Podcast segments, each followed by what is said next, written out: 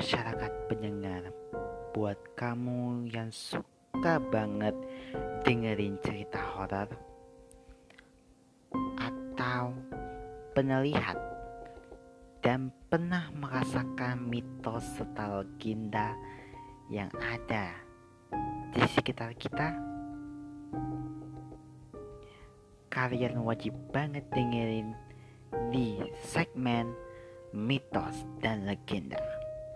Mitos dan legenda merupakan podcast terbaru dari berbagi cerita Tyler yang mengangkat sebuah kisah sekaligus makna di balik sebuah peristiwa serta mengungkap mitos dan fakta yang dibalik di dalamnya. Kalian wajib banget dengerin mitos dan legenda di podcast berbagi cerita Tyler yang akan tayang setiap hari Senin, Rabu, dan Jumat di Spotify. Mitos Legenda eksklusif on berbagi cerita Tyler for you by on Charles Prizozola Z Tyler Mata Pekanbaru Kainas.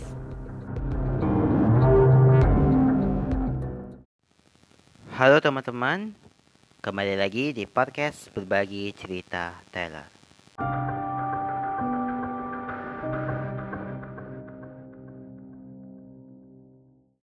X Sebelum mulai, jangan lupa follow akun Spotify berbagi cerita Tyler dan terus nyalakan notifikasi kamu.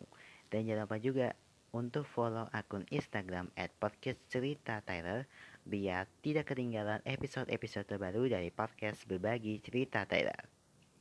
Yuk kita simak dengerin cerita berikut ini. Baik lagi di podcast berbagi cerita. Tyler bersama aku Malika Saputra dan Tyler King. Dan kami berdua masih di rumah aja Tetap patuhi terus protokol kesehatan di mana pun kita berada. Oke hari ini kami akan membahas tentang tradisi pemakaman unik di Indonesia Dari yang mulai menyeramkan sampai mewah ya.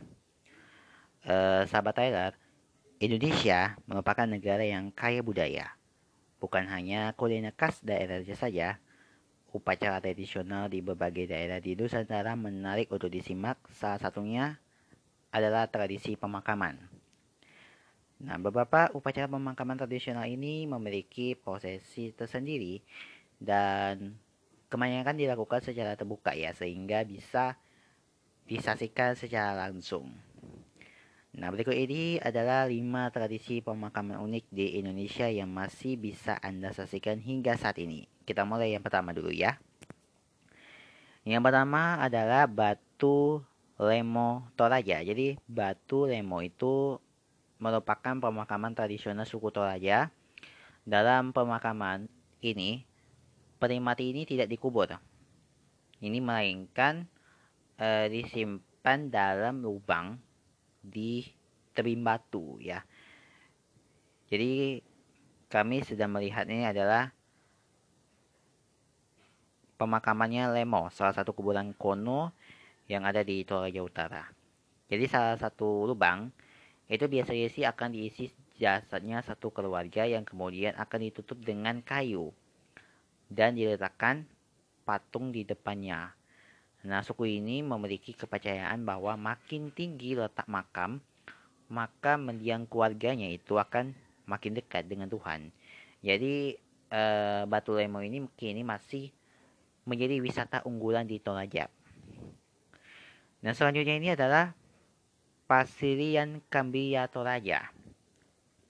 Jadi ada selain Batu Lemo, penduduk Toraja ini yang menganut kepercayaan Ayut Tolodo ini melakukan upacara pasisilian. Jadi kita sama-sama melihat ini adalah makam bayi Kamira di tanah Toraja.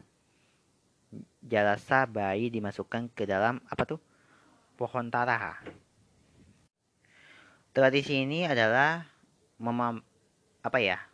Memakamkan bayi ya yang meninggal dunia dengan cara e, dimasukkan ke lubang pohon tara dalam posisi meringkuk e, seperti saat di dalam rahim. Jadi pohon ini dilubangi sesuai arah rumah bayi kemudian ditutupi dengan daun hijau. Jadi pohon ini dipilih uh,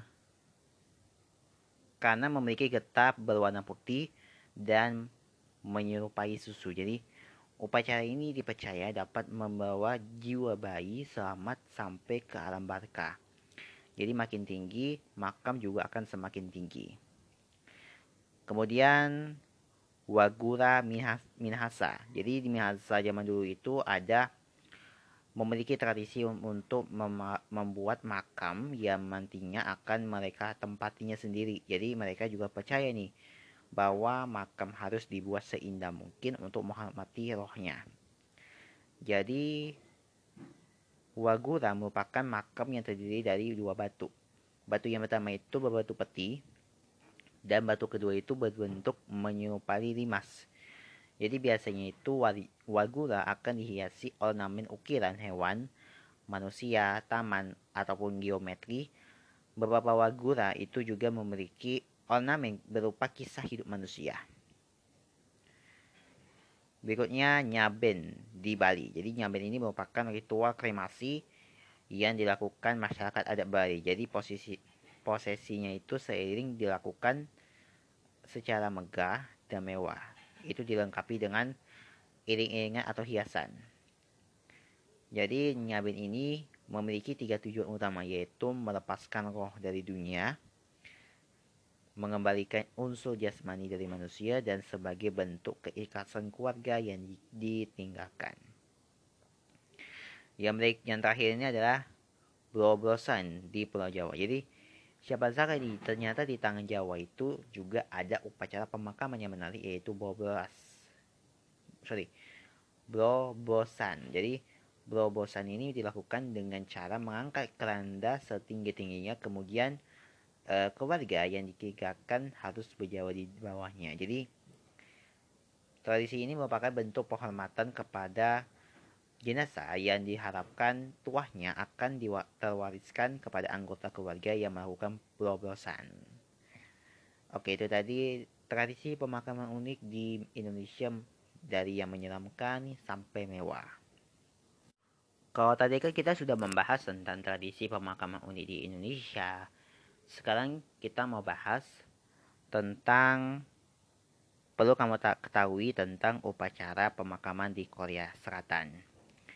Jadi siapa sangka ya, biasanya itu memiliki tradisi pemakamannya sendiri-sendiri. Jadi karena memang menjadi momen ya terakhir bersama dengan orang kekasih yang meninggalkan dunia ini khususnya ada perbedaan upacara pemakaman di Korea Selatan dengan negara lainnya.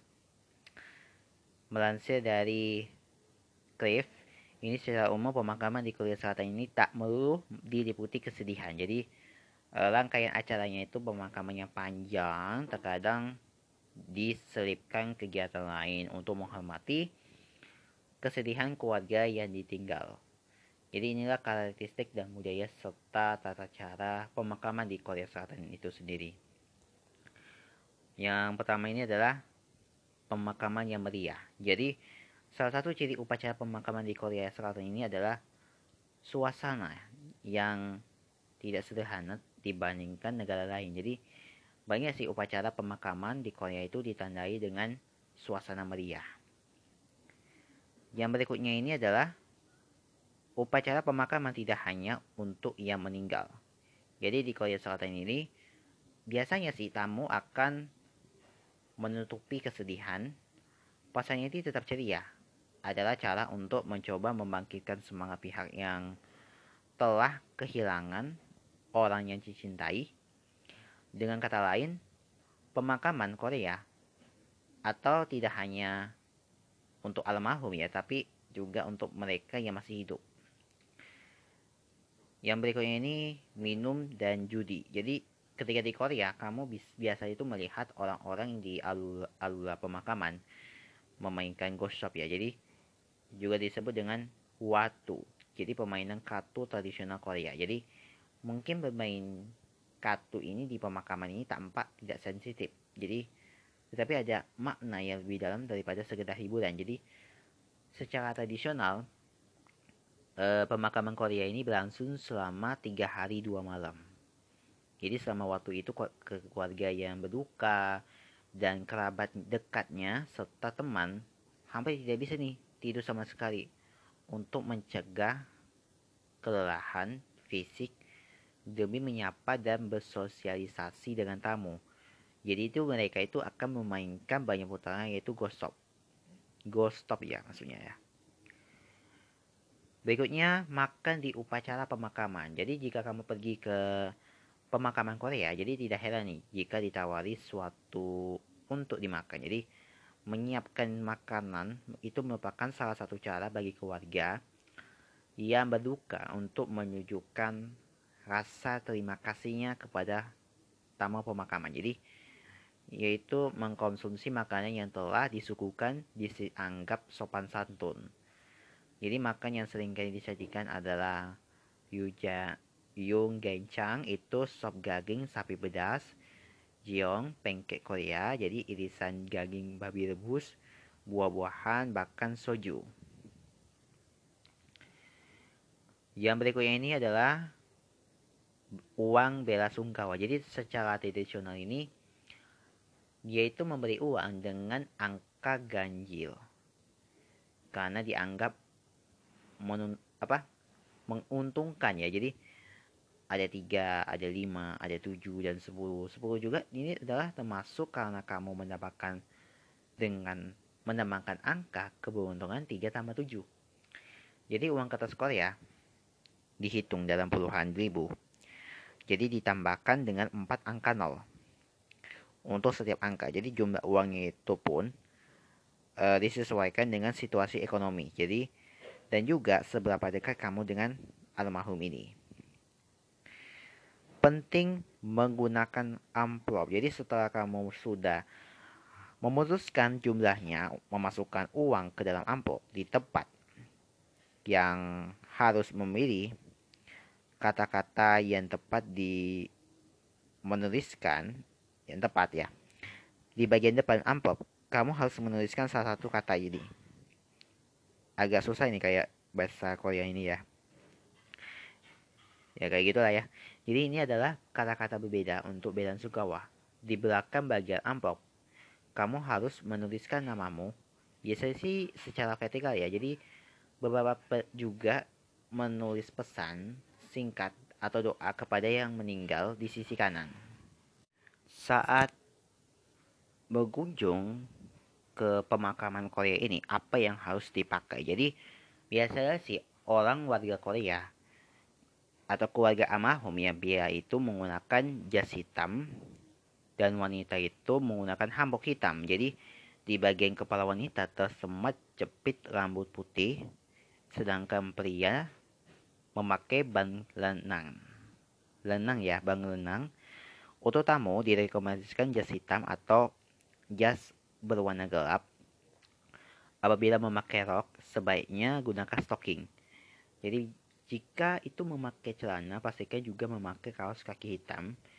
Coba sajalah, coba juga untuk menghindari sandal atau sepatu cast yang dan lebih baik gunakan sepatu yang lebih formal.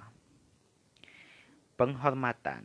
Pertama-tama, salam mungkuk itu kepada warga keluarga jangan mencoba menjabat tangan dengan keluarga yang sedang berduka.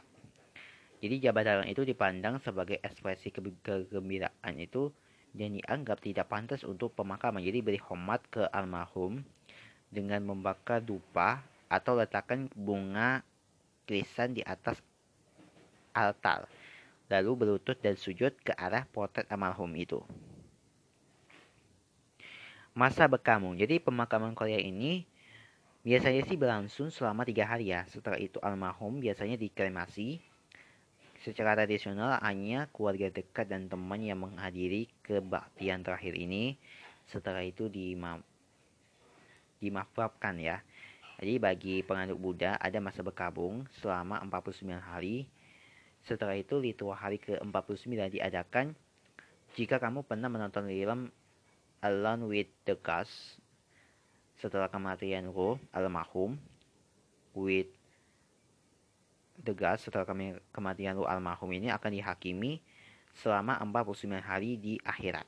Jadi pada ritual akhir ke-49, keluarga akan membakar pakaian dan barang-barang almarhum untuk dan mengadakan upacara. Itu memastikan bahwa almarhum ini tidak memiliki penyesalan yang berkepanjangan terhadap dunia ini. Itu tadi yang perlu kamu ketahui tentang upacara pemakaman di Korea Selatan. Kembali lagi di podcast berbagi cerita Tyler bersama aku Mereka Saputra dan Tyler King. Oke Tyler, hari ini kita akan membahas tentang fakta unik kebiasaan ngemil orang Indonesia. Nah, jadi sahabat Tyler, e, meningkatnya urbanisasi pada kesibukan serta berubahnya keinginan masyarakat ternyata mengubah tren kebiasaan ngemil orang Indonesia. Ngemil kini bukan sekedar untuk memenuhi kebutuhan lambung, tetapi juga untuk mencukupi kebutuhan lain dari berbagai sisi kehidupan. Presiden Direktur Moleses Indonesia mengungkapkan berdasarkan survei The State of Snacking ditemukan pemahaman baru tentang peran camilan baik fungsional maupun emosional dalam kehidupan sehari-hari masyarakat Indonesia yang sangat lekat dengan camilan. Dari hasil survei terdapat potensi yang sangat besar untuk industri makanan dengan baik secara global dan juga di Indonesia dikarenakan semakin meningkatnya uh, frekuensi orang ngemil sehari-hari. Jadi ngemil ini tidak lagi hanya berfungsi untuk asupan tubuh, namun banyak orang menemukan momen menikmati ngemil untuk membangun kedekatan sosial, koneksi, dan bahkan membentuk identitas pribadi mereka.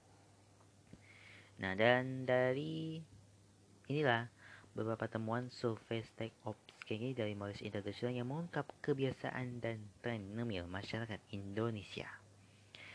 Kita bahas dulu yang pertama. Memilih mengonsumsi camilan daripada makanan berat. Jadi lebih tinggi dari rata-rata global, orang Indonesia mengkonsumsi camilan lebih sering daripada makanan berat. Jadi yakni hampir tiga kali sehari dibanding 2,5 kali makanan berat sendiri. Sebanyak 75% responden menyatakan bahwa makanan ringan yang gampang dikonsumsi di sela-sela aktivitas mereka lebih cocok dengan gaya hidup saat ini. Sebanyak 77%, 18% lebih tinggi dari rata-rata global lebih memilih mengkonsumsi makanan ringan di sepanjang hari daripada sesekali mengkonsumsi makanan berat. Atau bahkan 53% yang lagi menyatakan bahwa mereka tidak memiliki waktu lagi untuk makanan makan yang berat. Selanjutnya, cenderung mengkonsumsi camilan di pagi hari. Survei menemukan bahwa masyarakat Indonesia cenderung mengkonsumsi camilan di pagi hari lebih pagi di, pa, di antara negara-negara lainnya, yakni di antara makan pagi dan makan siang. Terkait temuan ini, Sosiolog Dr. Ena Elmawati Kodim menambahkan bahwa fenomena ini terjadi karena orang Indonesia rata-rata menempuh perjalanan panjang menuju tempat kerja masing-masing sehingga memerlukan waktu lebih pagi untuk menyiapkan segala sesuatunya sebelum berangkat. E, sehingga mereka menemukan camilan untuk pengisi energi setelah makan pagi dan sebelum makan siang. Yang berikutnya, Camilan diperlukan untuk memenuhi kebutuhan emosional dan mental. Jadi ternyata masyarakat Indonesia memerlukan ngemil untuk kebutuhan mental dan emosional dibandingkan sekedar mengenyangkan perut. Jadi sebanyak 93% menyatakan bahwa ngemil ditemukan untuk meningkatkan suasana hati. 91% untuk menemukan momen tenang atau me time untuk dirinya sendiri dan memberikan rasa nyaman. Jadi sementara hanya 84% responden yang menyatakan ngemil diperlukan untuk memberikan asupan untuk tubuh. Yang berikutnya ngemil untuk meningkatkan kebersamaan. Jadi yang menarik ini 23% lebih tinggi dari rata-rata global. Jadi 86% responden menyatakan bahwa mereka mempergunakan momen ngemil untuk menciptakan kebersamaan dengan orang lain dan tidak hanya itu, masyarakat Indonesia melihat cemilan sebagai sebuah medium untuk terhubung dengan dirinya sendiri dan juga budayanya. Jadi sekitar 59% responden 27% lebih tinggi dari rata-rata global menyatakan bahwa mereka memiliki tradisi ngemil setiap harinya. Ternyata, 68% dari responden Indonesia percaya bahwa kebiasaan ngemil dapat mempertahankan tradisi keluarga. Nah, terkait dengan fenomena ini, Erna menjelaskan masyarakat Indonesia sedari dulu menggunakan makanan atau camilan sebagai pencahaya suasana dalam momen kebersamaan. Apalagi orang Indonesia memang merupakan masyarakat connected yang senang bersosialisasi. Jadi sangat relevan bahwa menikmati camilan menjadi momen untuk menjadi lebih terhubung dengan lingkungan sosialnya. Oke itu tadi fakta unik kebiasaan ngemil orang Indonesia. Kita akan bahas lagi lebih dalam tentang empat manfaat ngemil bagi kesehatan tubuh kita. Jadi siapa bilang nih jika Anda tidak boleh ngemil saat diet? Jadi memang selama ini banyak orang yang menganggap bahwa ngemil adalah kebiasaan yang buruk dan bisa menyebabkan berat badan melonjak. Tapi tahukah Anda bahwa ngemil justru harus dilakukan setiap hari? Entah itu sedang diet atau tidak. Nah, inilah simak apa saja manfaat ngemil bagi kesehatan. Yang pertama, sebenarnya sih yang membuat kebiasaan ngemil tidak baik adalah jenis makanan yang Anda cemil. Tentu saja kebiasaan ngemil tidak baik jika Anda menjadikan permen, makanan manis, atau makan kemasan sebagai menu camilan. Jadi kebiasaan penyakit malah dapat meningkatkan risiko penyakit kronis. Sebab semua makanan tersebut mengandung banyak gula, lemak, serta garam hanya akan membuat kadar kolesterol dan gula darah Anda naik. Selain itu, dari Porsi dari makan yang Anda camil terkadang terlalu banyak. Tentu saja hal ini menyebabkan tubuh Anda menerima kalori lebih banyak, padahal konsep camilan yang sehat adalah membagi kebutuhan kalori harian dalam porsi yang lebih kecil, sehingga meskipun Anda ngemil, Anda harus tetap harus menjaga kalori makanan yang Anda makan agar tidak berlebihan dari kebutuhan harian. Lalu bagaimana dengan camilan sehat seperti buah-buahan atau makanan lain yang penuh serat maupun rendah kalori, tentu saja ngemil makanan seperti itu termasuk dari bagian hidup sehat. Tidak percaya bahwa ngemil bisa membuat Anda sehat. Nah, berikut adalah manfaat yang bisa Anda dapatkan dari kebiasaan ngemil. Kita cek link Richardnya. Yang pertama, manfaat ngemil bagi kesehatan. Mencegah perut keloncongan. Sahabat Tyler, tahukah Anda bahwa pada dasarnya perut harus terisi setiap 4 atau 5 jam sekali. Sebab ada ada atau tidaknya makanan di dalam perut semua organ pencernaan Anda akan terus bekerja. Sehingga jangan heran jika terdengar suara koncongan dari perut. Tentu ada adalah tanda bahwa perut Anda sedang bekerja walaupun dalam keadaan kosong. Anda bisa mengakalinya perut Anda dengan keloncongan itu dengan mengkonsumsi camilan. Kebiasaan ngemil akan membuat perut selalu terisi sehingga tidak ada lagi dong bunyi perut yang keras akibat keloncongan. Anda bisa memakan kudapan sehat pada waktu-waktu tertentu seperti waktu menjelang makan siang, serta waktu setelah makan siang menjelang makan malam. Yang berikutnya, menjaga gula darah stabil dan normal. Terkadang, aktivitas yang berat dapat menguras energi serta gula dalam darah Anda dan camilan mampu menolong Anda jika hal tersebut terjadi. Kebiasaan ngemil ini bahkan sangat membantu para pendia, penderita diabetes mellitus untuk menjaga gula darah Anda tetap normal. Jadi penderita diabetes rentan mengalami gula darah yang naik turun dan hal ini tersebut cukup berbahaya untuk kesehatannya. Namun, bagi para pendia, penderita diabetes, Pastikan dulu nih bahwa camilan yang Anda makan adalah camilan yang sehat dan sebaiknya konsultasikan hal ini ke ahli gizi dan dokter Anda. Selanjutnya, menekan nafsu makan. Kebiasaan ngemil saat menghindarkan Anda dari makan yang terlalu berlebihan dari banyak karena camilan membuat perut Anda selalu penuh sehingga nafsu makan yang seharusnya Anda akibat perut yang kosong pun berkurang. Selain itu, ketika waktu makan datang, Anda terasa kenyang akibat sudah ada makanan yang masuk ke sebelumnya. Hal ini akan membuat Anda mengambil porsi makan sedikit dan makan dengan terkendali. Berikutnya, tubuh mendapatkan berbagai macam zat gizi. Gizi. Bila Anda makan camilan yang sehat, tentu Anda akan semakin banyak zat gizi yang Anda dapatkan. Misalnya Anda menjadikan buah-buahan sebagai camilan Anda, maka sekali makan buah saja Anda sudah mendapat beragam vitamin dan mineral. Oleh karena itu sebaiknya jenis buah yang Anda makan bermacam-macam agar Anda mendapatkan lebih banyak zat gizi dari camilan tersebut. Oke, itu tadi empat manfaat nyemil bagi kesehatan tubuh kita. Dari Sabang sampai Merauke bukanlah sekadar menggambarkan satu geografis begrip. Dari Sabang sampai Merauke bukanlah sekadar satu geographical entity. Ia adalah merupakan satu kesatuan kebangsaan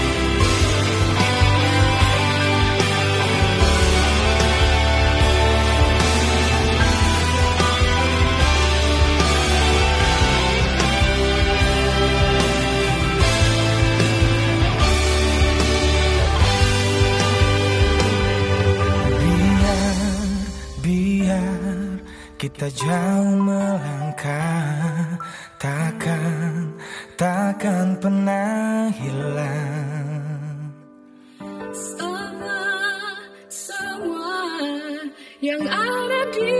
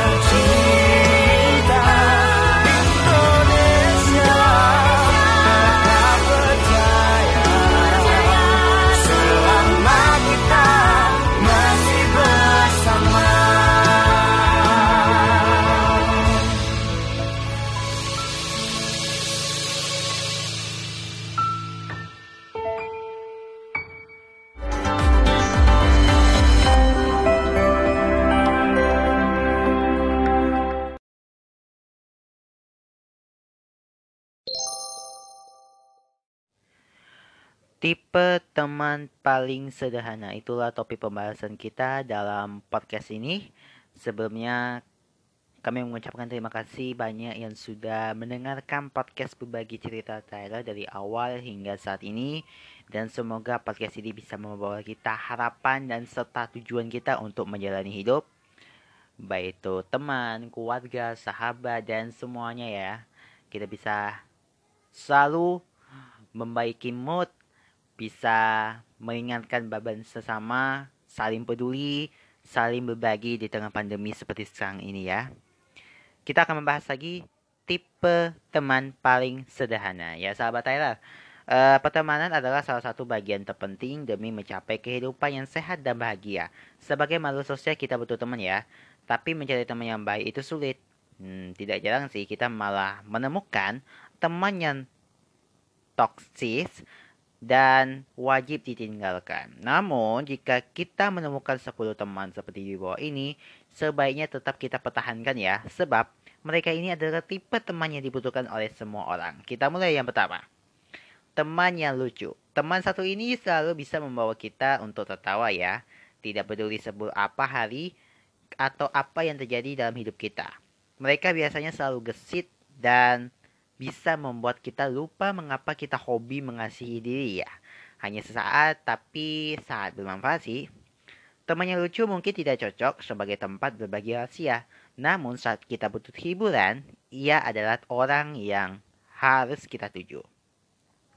Jika diumpamakan, eh, teman yang lucu mirip kopi di dunia persahabatan. Teman yang what out. Meski diberi title teman workout, bukan hanya olahraga yang kita kerjakan. Ia adalah teman yang selalu siap mengajakmu keluar rumah, seperti ke gym, menonton bioskop, atau melakukan aktivitas fisik.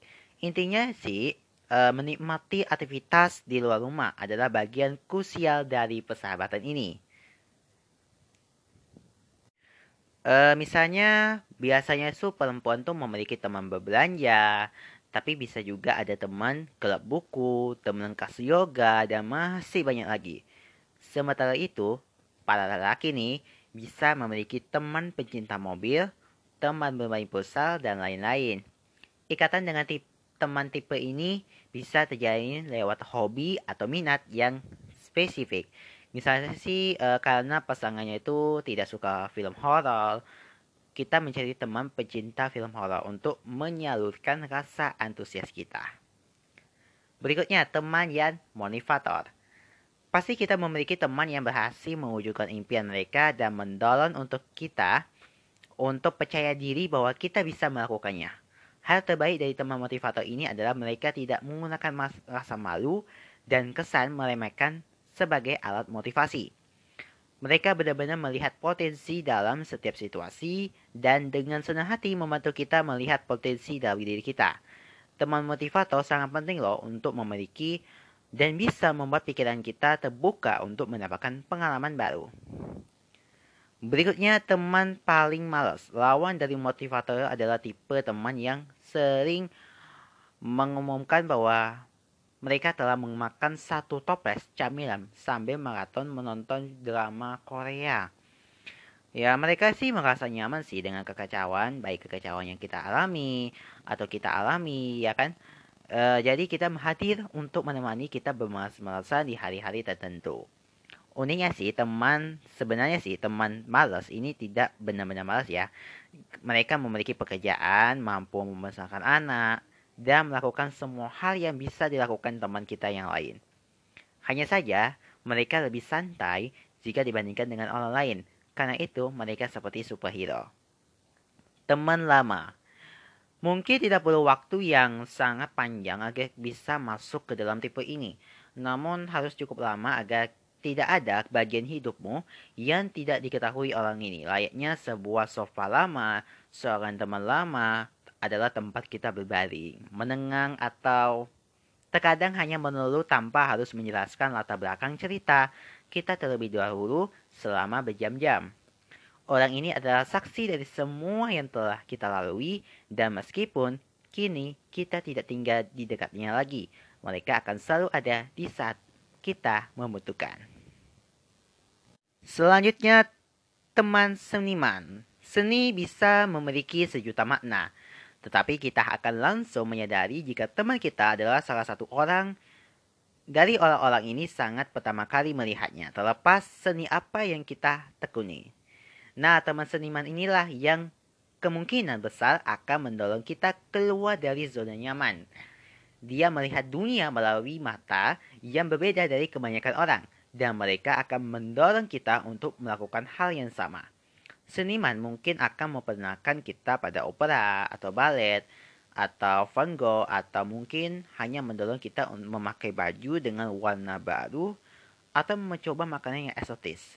Nah, di sisi lain ini, para seniman ini akan mengeksplorasi kreativitas mereka dan menginspirasi kita untuk melakukan juga. Teman, dalam tanda kutip, jauh. Dulu mungkin dia adalah orang yang kita temui saat liburan atau pertukaran siswa. Bahkan bukan tidak mungkin ya, jika kini kita menjadi teman dekat. Teman menyebalkan. Meski terkadang tidak menginginkannya dia pasti ada, ia adalah orang yang namanya membuat kita merintis ketika kita melihatnya berkirim pesan tetapi kita tetap membalasnya namun ia tetap bermanfaat dalam hidup kita. Nah, teman kita yang membosankan biasanya sebenarnya berniat baik. Namun, sifatnya yang terlalu banyak mengeluh, menceritakan detail yang tidak penting, atau kadang-kadang membuangnya diri sendiri, menjadi kita kesabaran dan membuat kita merasa menjadi teman yang baik. Teman yang gila. Pasti kita memiliki teman yang seperti ini. Oh, dia memang gila ya adalah respon yang akan kita lontarkan jika menyebut nama orang ini. Tetapi teman yang kita satu ini nih membuat kita gila-gila. Mereka yang gila lebih berani, kejam, spontan, suka bertualang, dan unik karena berbeda dari yang lain. Mereka menginspirasi kita untuk mengambil risiko dan menjalinnya sesekali. Mereka juga mengingatkan kita bahwa hidup tidak harus menjadi urusan yang serius. Teman yang gila membuat kita untuk memiliki passion dan menjalaninya. BFF atau Best Friend Forever. Terakhir sahabat kita, satu-satunya teman yang paling kita sayangi dan membuat hidup tidak lengkap tanpa dirinya.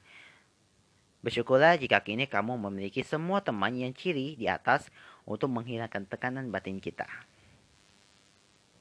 Nah, sahabat Tyler berbicara tentang teman nih, Pasti kalian punya banyak teman dan bisa melakukan apa saja untuk melakukan hal yang lebih positif dan juga kreatif dalam melakukan aktivitas sesuatu. Nah, seperti yang kita bahas ini adalah tipe teman seperti ini perlu dimiliki dan dipertahankan dalam hidupmu. Dan ketika dirimu melihat pada berbagai jenis persahabatan yang kita semua butuhkan dalam hidup kita, ini masuk akal sih. Pada akhirnya kita tidak boleh nih mengharapkan satu orang pun dapat memenuhi semua kebutuhan persahabatan kita. Dan inilah mengapa kita cenderung memiliki teman untuk memenuhi kebutuhan kita yang berbeda. Nah, berikut ini adalah beberapa jenis teman yang perlu kita miliki dalam hidup kita. Yang pertama adalah sahabat setia. Sahabat Tyler, sahabat setia sering kali menjadi satu-satunya orang yang dapat diandalkan untuk membantumu mempertahankan posisi. Kita semua membutuhkan teman setia yang pergi bersama kita melalui kesulitan dan kebahagiaan. Ini adalah tipe orang yang tidak menilaimu ketika dirimu berada pada titik terendah dan menerimamu bahkan dengan semua kekuranganmu, tetapi pada saat yang sama menyayangimu tanpa syarat. Berikutnya, orang yang membantumu mengampilkan sisi kreatif. Seorang teman yang dapat memunculkan diri kreatif sangat penting karena mereka membantumu mencampurkan banyak hal dalam hidupmu. Mereka menunjukkan kepadamu bahwa ada lebih dari satu cara untuk mengekspresikan diri. Dan pastikan sisi kreatifmu akan menguntungkanmu dengan cara yang mungkin tidak pernah duga. Orang yang selalu siap berpetualang. Ada begitu banyak tempat untuk dilihat orang untuk bertemu dan hal-hal yang harus dilakukan di dunia kita yang luas ini, tetapi banyak dari kita tidak pernah mendapatkan kesempatan untuk mengalami karena rutinitas yang tidak pernah berakhir kita yang, yang kita alami. Ini adalah mengapa kita semua membutuhkan teman bertualang di sisi kita yang akan mempertahankan kita pada hal-hal yang baru yang tidak akan pernah memiliki kebenari, keberanian atau kesempatan untuk melakukan sendiri. Pendengar yang baik. Sahabat Tyler, seorang teman yang mendengarkanmu ketika dirimu perlu didengarkan sangatlah penting. Teman ini adalah pemberi nasihat yang hebat dan dirimu dapat mendatanginya kapan pun membutuhkan bahu untuk menangis atau hanya seorang yang dapat membantumu melihat segalanya sesuatunya yang lebih jelas lagi. Pendengar yang baik akan selalu memberitahumu kebenaran yang jujur dan membantumu menemukan cara untuk mengatasi masalah. Berbanyak teman sangat menguntungkan, tetapi yang perlu diingat adalah hindari teman tokis yang dapat membuatmu merasa tidak berdaya. 5 hal sederhana yang buat orang nyaman berteman sama kamu. Sahabat Tyler, orang akan nyaman berteman denganmu jika kamu menerapkan 5 hal ini. Apa itu? Yang pertama, mampu menjadi pendengar yang baik. Hal sederhana, hal sederhana pertama yang bisa membuat orang nyaman berteman denganmu adalah mampu menjadi pendengar yang baik. Meskipun terdengar sederhana, namun tidak semua orang bisa menjadi pendengar yang baik. Menjadi pendengar yang baik berarti menyimak apa yang diceritakan atau diutarakan orang lain dengan sesama dan sepenuh hati. Dalam pertemanan, saat dibutuhkan, orang seorang pendengar yang baik untuk mendukung satu sama lain terutama dalam kondisi yang sulit. Selain itu, menjadi pendengar yang baik berarti tidak menghakimi cerita orang lain. Mampu memahami perasaan orang yang bercerita dan tidak memotong cerita sebelum dipersilakan untuk berpendapat. Berikutnya, tidak suka bergosip dan mencela orang lain. Kebiasaan yang paling tidak disukai orang pada umumnya adalah kebiasaan membicarakan orang lain. Oleh karena itu, jika ingin membuat orang nyaman berteman denganmu, berhentilah untuk bergosip atau membicarakan orang lain apalagi kalau bahan gosip tersebut selalu tentang keburukan seseorang dan celaan. Mungkin kamu tidak sadar tetapi kebiasaan bergosip akan menjadikanmu sebagai teman yang sangat menyebalkan dan mengerikan. Hal ini akan membuat pertemanan menjadi tidak sehat. Selain itu, kebiasaan tersebut juga akan membuat teman menghindar karena takut akan menjadi bahan gosipmu suatu saat nanti. Berikutnya, tidak bersifat ego sentis. Hubungan pertemanan akan terasa menjadikan jika orang-orang di dalamnya masih bersikap egosentis. Egosentis adalah sikap yang menjadikan diri sendiri sebagai pusat dari segala hal, baik itu pusat pembicaraan, pemikiran, hingga perbuatan. Jadi kalau ingin membuat orang nyaman berteman denganmu, buanglah jauh-jauh sikap egosentis itu. Pada dasarnya, pertemanan adalah sebuah hubungan timbal balik, bukan hubungan suatu arah yang hanya pus berpusat pada dirimu. Kamu juga pasti tidak akan nyaman jika ada orang yang terus membicarakan tentang dirinya, bukan? Berikutnya, tulus. Ketulusan adalah salah satu hal yang paling penting dalam pertemanan. Sifat ini akan membuat orang nyaman berteman denganmu, bahkan akan membuat selalu membantumu Meskipun terlihat sederhana, tapi ketulusan bukanlah hal yang mudah untuk diciptakan loh. Ketulusan adalah sesuatu sifat positif yang dibentuk dalam waktu yang lama, bukan sesuatu yang instan. Kamu tidak bisa membohongi ketulusan, karena ini bukan muncul dari perkataan atau pengakuan seseorang, tetapi terpancar dari perbuatannya. Pada dasarnya, semua orang memiliki benih ketulusan namun tergantung bagaimana kamu bisa mengembangkannya. Jadilah orang yang tulus dalam hal apa pun, maka kebaikan itu akan kembali padamu. Yang terakhir, penuh toleransi. Tidak ada manusia yang sempurna, termasuk dalam pertemanan. Kamu perlu memahami hal ini agar orang lain senang dan nyaman berteman denganmu. Mungkin seorang teman pernah membuat kita marah, sedih, atau kecewa, tapi maafkanlah dia.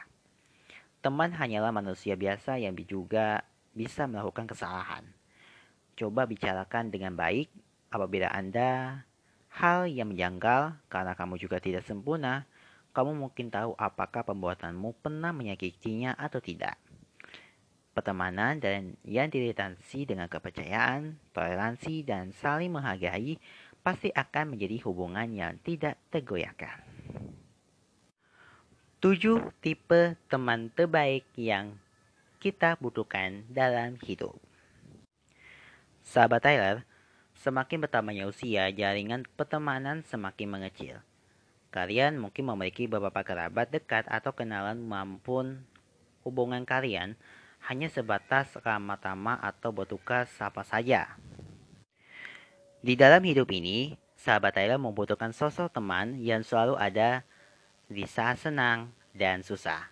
Dengan memiliki teman, sahabat Tyler bisa mendapatkan dukungan untuk menghadapi masalah yang terjadi dalam hidup. Pertemanan juga baik untuk kesehatan mental. Nah, sahabat Tyler, Penasaran kan dengan tipe teman seperti apa yang sahabat Tyler butuhkan dalam hidup? Dilansir dari Posuga, kali ini kami merangkumnya untuk Anda. Yuk kita simak. Kita mulai yang pertama, teman sejak kecil. Tidak akan ada sosok teman yang mendengar sahabat Tyler lebih baik daripada teman semasa kecil. Kalian berdua tumbuh bersama sejak kecil hingga dewasa, melewati masa-masa sekolah yang menyenangkan, bahkan ketika menjalani hingga momen mengharukan saat menikah dan punya anak. Kedekatan di antara kalian sangat nat natural dan sahabat bisa jadi dirinya sendiri di depan mereka. Kalian juga bisa dong saling percaya untuk menyimpan rahasia satu sama lain. Teman yang mendengarkan dengan baik. Ya tentu saja sih setiap orang pasti selalu ada untuk mendengarkan temannya. Namun sampai ini tingkat mana mereka bisa bertahan untuk mendengarkan semua keluh kesahmu. Penting untuk menemukan teman yang bersedia mendengarkan ceritamu tanpa menghakimi atau dan mau melakukan apa pun yang ia bisa untuk membantunya. Jika ingin menemukan teman seperti ini, sahabat ayah tentunya harus menjadi pendengar baik juga untuk orang-orang di sekitar.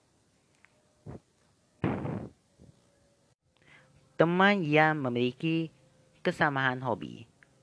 Punya teman untuk berbagi hal yang disukai akan membuat hari-hari sahabat Thailand semakin berwarna. Kalian bisa meluangkan waktu untuk melakukan hobi misalnya yoga, memasak, atau mendaki bukit lah ya. Selain itu, sahabat Thailand juga tidak perlu nih membuat orang-orang di sekitar menjadi kesal dan bosan kita membicarakan topik seputar hobi. Yang berikutnya, teman yang suportif dan selalu ada untuk sahabat Tyler.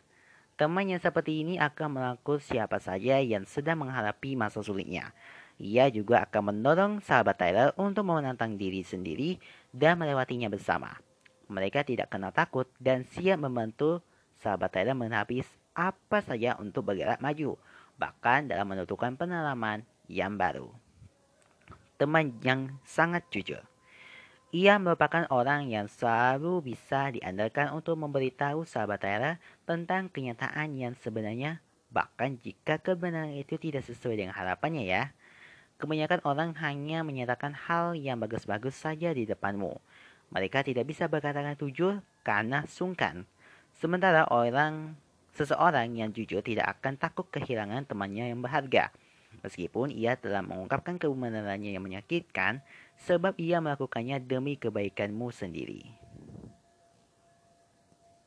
Berikutnya, rekan kerja yang menjadi teman. Melewati jam kerja yang suntuk dan membosankan tentunya akan lebih seru jika sahabat Tyler punya teman. Ya di kantor pasti ada salah satu rekan kerja yang sangat dekat dengan keseharian ya. Kalian bisa kok e, saling menyemangati saat kerja. Namun sebaiknya usahakan selalu terlalu terbuka dengan teman yang satu ini sebab sahabat saya juga perlu bersikap nih profesional di lingkungan kerja. Yang terakhir, teman laki-laki. Sudah menikah bukan berarti sahabat saya tidak boleh berteman dengan laki-laki lainnya. Sahabat saya tentu saja boleh memiliki pertemanan yang sehat dengan siapa saja, tak sebatas dengan dari gender, suku, atau ras. Sosok teman laki-laki sangat penting dalam hidupnya sahabat Tyler, terutama ketika sahabat Tyler membutuhkan persepsi jujur dari seorang laki-laki. Setiap masukan dari teman laki-laki, sahabat Tyler dapat membantu nih mengimbangkan masukan dari teman perempuan sahabat Tyler. Jadi sahabat Tyler bisa melihat nih masalah dari berbagai segi. Nah, sahabat Tyler itulah beberapa tipe teman yang wajib Anda dalam hidupnya. Semoga informasi ini bisa membantu sahabat Tyler memiliki persahabatan yang awet ya. Dan demikian juga podcast kita kali ini dan sampai jumpa lagi di podcast berbagi cerita pada episode selanjutnya. Sampai jumpa.